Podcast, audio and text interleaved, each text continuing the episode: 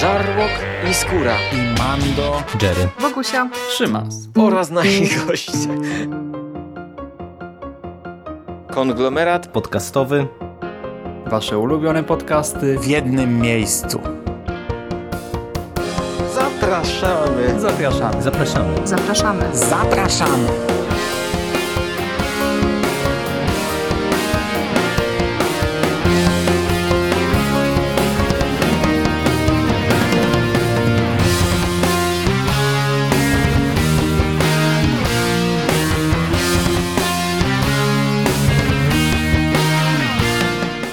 Witam w konglomeracie podcastowym, czyli na platformie, która zbiera wszystkie wasze ulubione podcasty w jednym miejscu.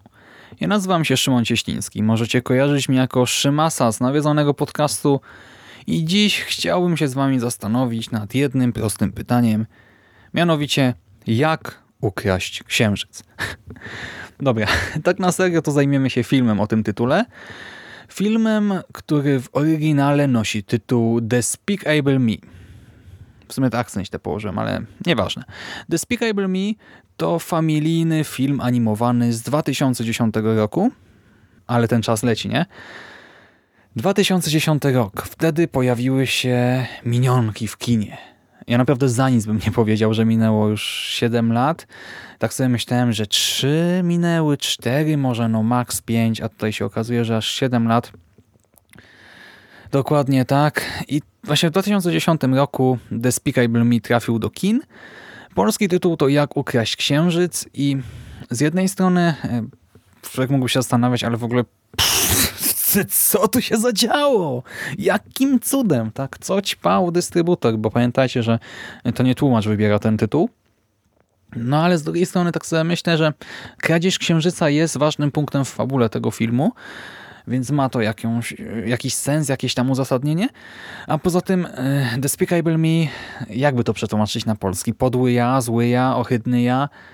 Można, tak? Tylko kto by potem wziął na to dzieciaki do kina? No wyobraźcie sobie babcię, która mówi chodź wnusiu, pójdziemy na podłego ja. Chodź wnusiu, pójdziemy na złego ja. E, no, no nie, no tak by pewnie nie było, nie? Ciężko by było reklamować ten film jakoś sensownie. Chociaż z drugiej strony za granicą się udało, nie wiem, no ale jakoś tam rozumiem podejście polskich dystrybutorów. E, okej, okay, zresztą nieważne, no już i tak stało się, nie odstanie się. Jak ukraść księżyc? Kto odpowiada za ten film? Otóż e, za reżyserię odpowiadają Chris Renault i Pierre Coffin, ten drugi pan to tylko minionki w sumie stworzył, a Chris Reno jeszcze Sekretne życie zwierzaków domowych, Loraxa i zaczynał chyba od shorta z epoki lodowcowej z wiewiórem. E, to się nazywało nie Czas na żołędzie czy coś takiego. Więc e, Chris Reno ma doświadczenie z animacją, z filmem animowanym takim familijnym.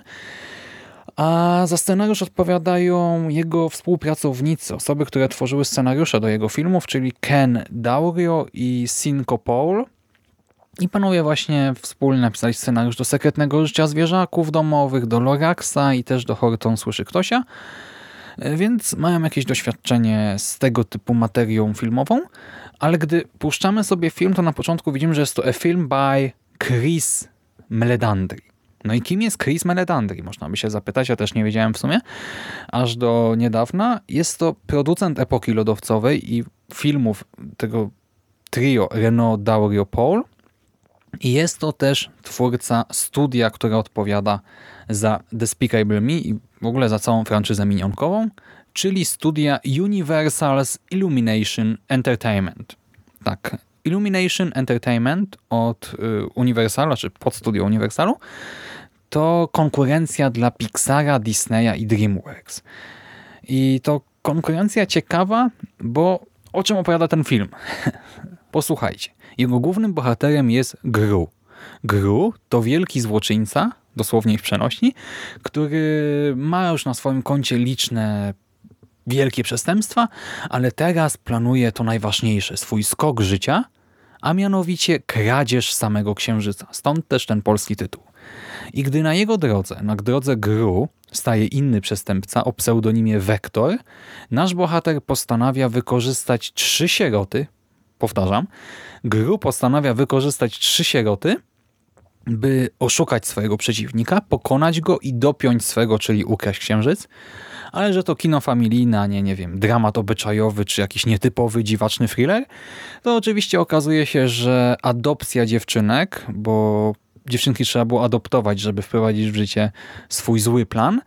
Adopcja dziewczynek odmieni gru, a kradzież księżyca nie będzie taka prosta, jak się początkowo wydawało. I tak, już słyszycie, nie? przestępca, kradzież, adoptowanie sierot na potrzeby tej kradzieży, to nie jest kolejny film Pixara, Disneya czy DreamWorks, tylko właśnie dzieło Illumination Entertainment i to nie jest kolejna typowa animacja dla dzieci i młodzieży. Gdy siadałem do seansu, nie miałem bladego pojęcia o fabule. Usiadłem y, do y, komputera z DVD tylko dlatego, że Bogusia nagrała podcast o czwartym filmie z franczyzy Grudru i Minionki i podlinkowała mi shorta oraz fragment y, chyba nie, trzeciego filmu. Chyba trzeciego filmu, które jakoś tam mnie zachęciły ogólnie. Podcastu jeszcze wtedy nie słuchałem, bo nie chciałem sobie niczego spoilerować z poprzednich filmów, ale te filmy krótkometrażowe i dyskusja w komentarzach mnie zachęciły, więc stwierdziłem, że okej, okay, obejrzę. Nie wiedziałem nic o fabule. I gdy zobaczyłem scenę otwarcia, czyli rozmowę super przestępcy z przedstawicielem banku dla super złoczyńców, byłem w szoku. Wiecie, no, bohaterami są przestępcy. To nie jest typowe.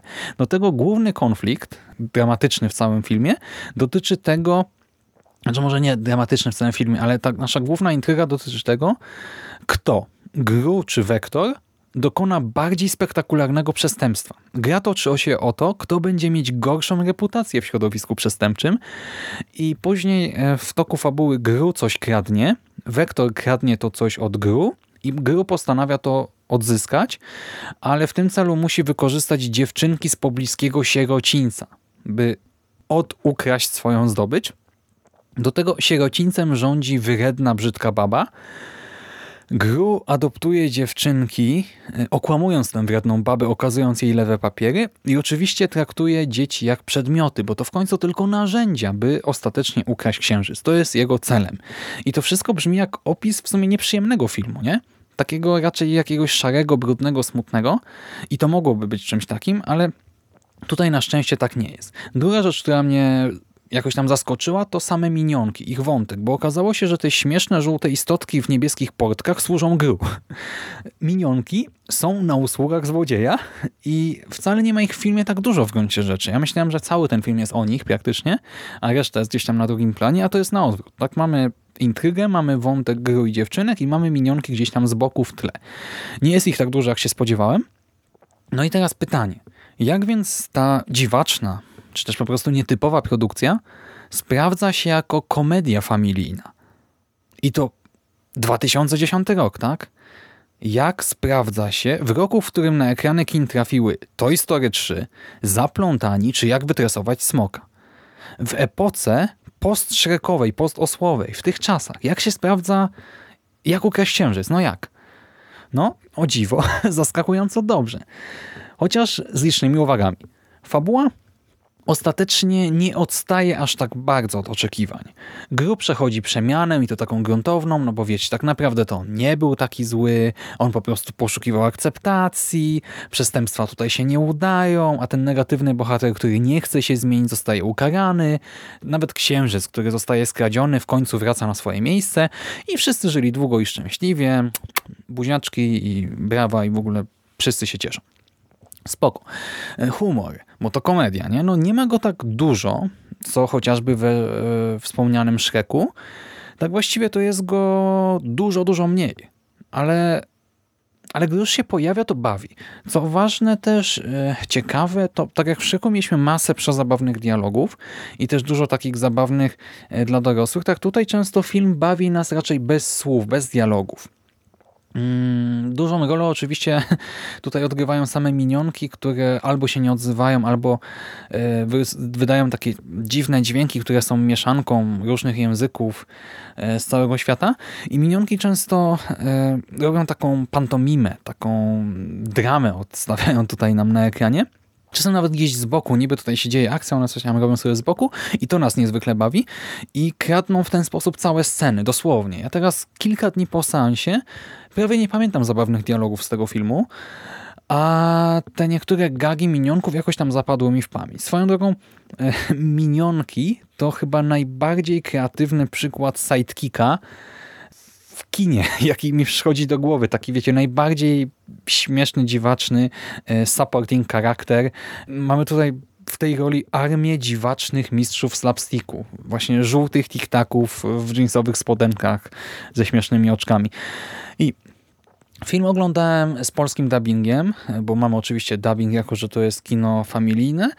Gru mówi w nim głosem Marka Robaczewskiego, Wektor to Jarosław Boberek, dzieci, nasze trzy dziewczynki, trzy sierotki to odpowiednio Olga Zaręba, Lena Ignatiew, Zielonka i Helena Englert.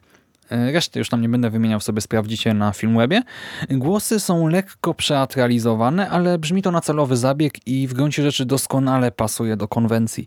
I głosy też są dobrze dobrane do poszczególnych postaci. Nawet po tych dziewczynkach to widać, nie? Bo Oczywiście głosy podkładają starsze aktorki, ale czuć i słychać to, z jakimi dziećmi mamy do czynienia, tak, że tam Dara młodsza to jest właśnie taki totalny dzieciak jeszcze, że ta środkowa jest troszkę no, specyficznym dzieckiem, że ta starsza już troszkę inaczej patrzy na otaczający ją świat.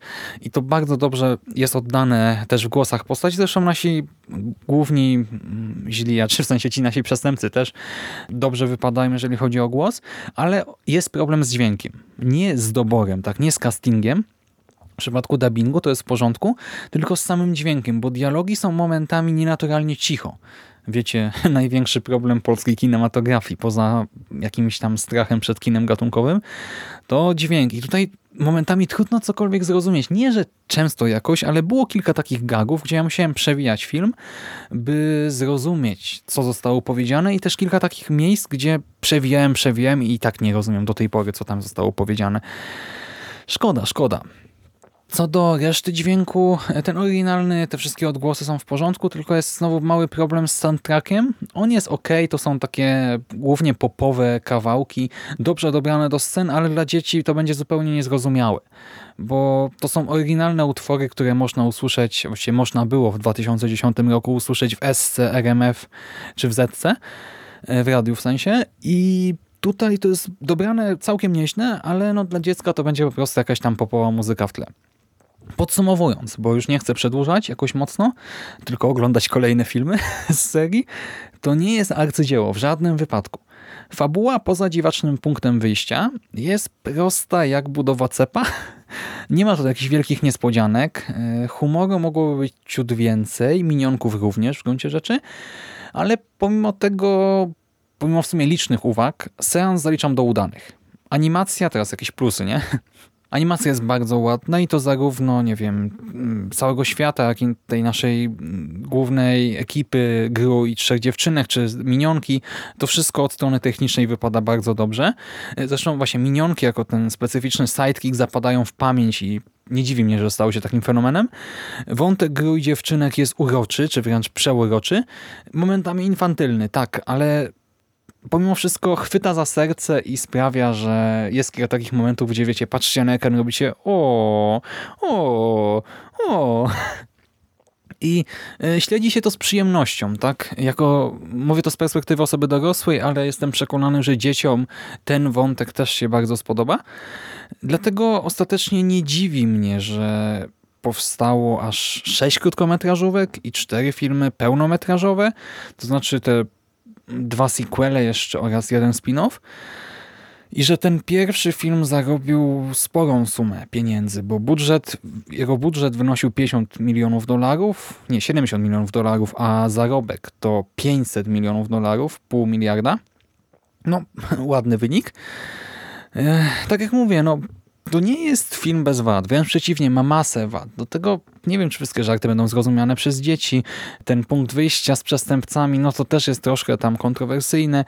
Całość jest troszkę infantylna, ale pomimo wszystko, choćby przez te minionki i przez tą nietypowość, e, trzeba zauważyć, że to w końcu jakaś tam świeżość, odrobina świeżości w mainstreamowej animacji dla całej rodziny. Dlatego też Cieszę się, że go nadrobiłem. Myślę, że warto wiedzieć, od czego się ta cała mania minionkowa zaczęła, ten cały fenomen. I chętnie sięgnę po kolejne filmy, by wyrobić sobie własne zdanie i potem podzielić się nim tutaj z wami. Do usłyszenia za jakiś czas. Dziękuję serdecznie za uwagę. Trzymajcie się. Cześć.